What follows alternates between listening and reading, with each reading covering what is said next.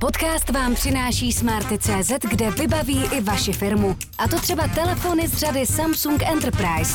Stačí si vybrat na smarty.cz lomeno firmy.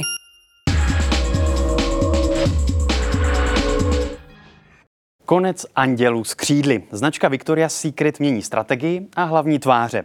Podle ředitele ji nově budou reprezentovat třeba fotbalistka, intka, transgender nebo boubelka.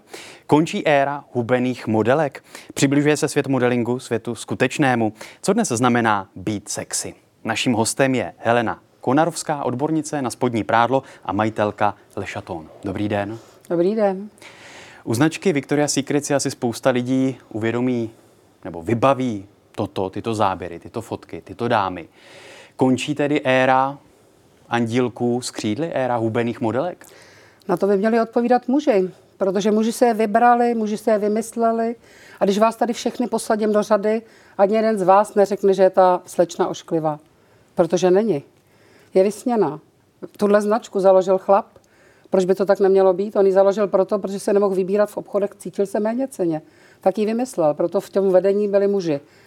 Samozřejmě, že to není úplně to správné, ale zatím to půl století, možná století bavilo půlku světa. A mění se to teď v těch posledních letech? Protože když se podíváme právě na to, jak i možná tady značky mění to, jaké modelky ukazují, jaké dámy se objevují na časopisech typu Vogue, tak vypadá, že, vypadá to, že dochází k nějakému obratu. Já doufám, že ano.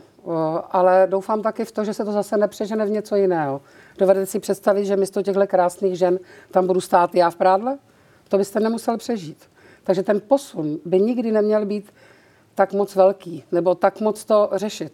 Ženy, které mají svoji osobnost, si umějí vybrat prádlo a tyto krásky jim nevadí. V určitém věku jsme všechny takhle krásní. Jako aby to nebylo ode zdi ke zdi, aby ano. oproti těm extrémně hubeným ano. modelkám aby jsme to zase, zase nedostali extrémně někam hubení. úplně jinam, což už je ta cesta, že mám klientku, která neví, jestli je žena nebo muž, tak ji říkám to tělo. Protože mě vlastně taky zajímalo, pokud by byly na těch snímcích nebo módních přehlídkách třeba jenom extrémně obézní ženy, jestli by to zase nepůsobilo proti výchově, proti nějakému zdravému 100%. životnímu stylu, ano, proti sportu a tak. Stoprocentně.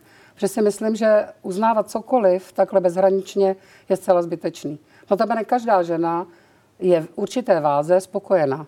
Každé ženě sluší jiná váha. Tady vybírali jeden typ, protože ten typ musel být krásný, ale to prádlo vždycky bylo druhotný, vždycky byly důležitý ty doplňky. Tím se to celý postavilo. Ale je spousta výrobců prádla a už dneska pohled na ty ženy je jiný. Je to jenom o tom, aby si ženy ten pohled udržely. Dovedete si představit, že bychom byli sami a žádný chlap by nás neobdivoval? Na co bychom tady byli? Potěž pán teda. Na druhou stranu, no tady z těchto fotek a z těch kampaní to působí, že tady taková postava, nějakých 90, 60, 90 nebo nevím kolik tady tyto dámy mají míry, takže to je vlastně nějaký jako ideál, že to je norma, že tak by měly všechny ženy vypadat. Když to vezmeme a vy si budete vybírat z aut, taky si vyberete tu extra značku, to, co je něčím jiný, to, co je něčím zajímavý. Mě to a nebo si vyberu bezpečné ani, auto, ano, které Volvo, má dobrou ano, spotřebu. pomalé, ano, bezvadně. Ne, neříkám pomalé, říkám bezpečné. pojedete, pojedete s pěti dětma za krkem, ne. Nemyslím si, že je vhodný jakýkoliv extrém. Ale vždycky je to o zábavě a tohle byla show. To, co se tam potom prodávalo, bylo jiným. Měli Tady Daniela Drtinová. Chci vám poděkovat, že posloucháte naše rozhovory. Jestli chcete slyšet celý podcast, najdete ho na webu dvtv.cz, kde nás můžete i podpořit a stát se členy DVTV Extra.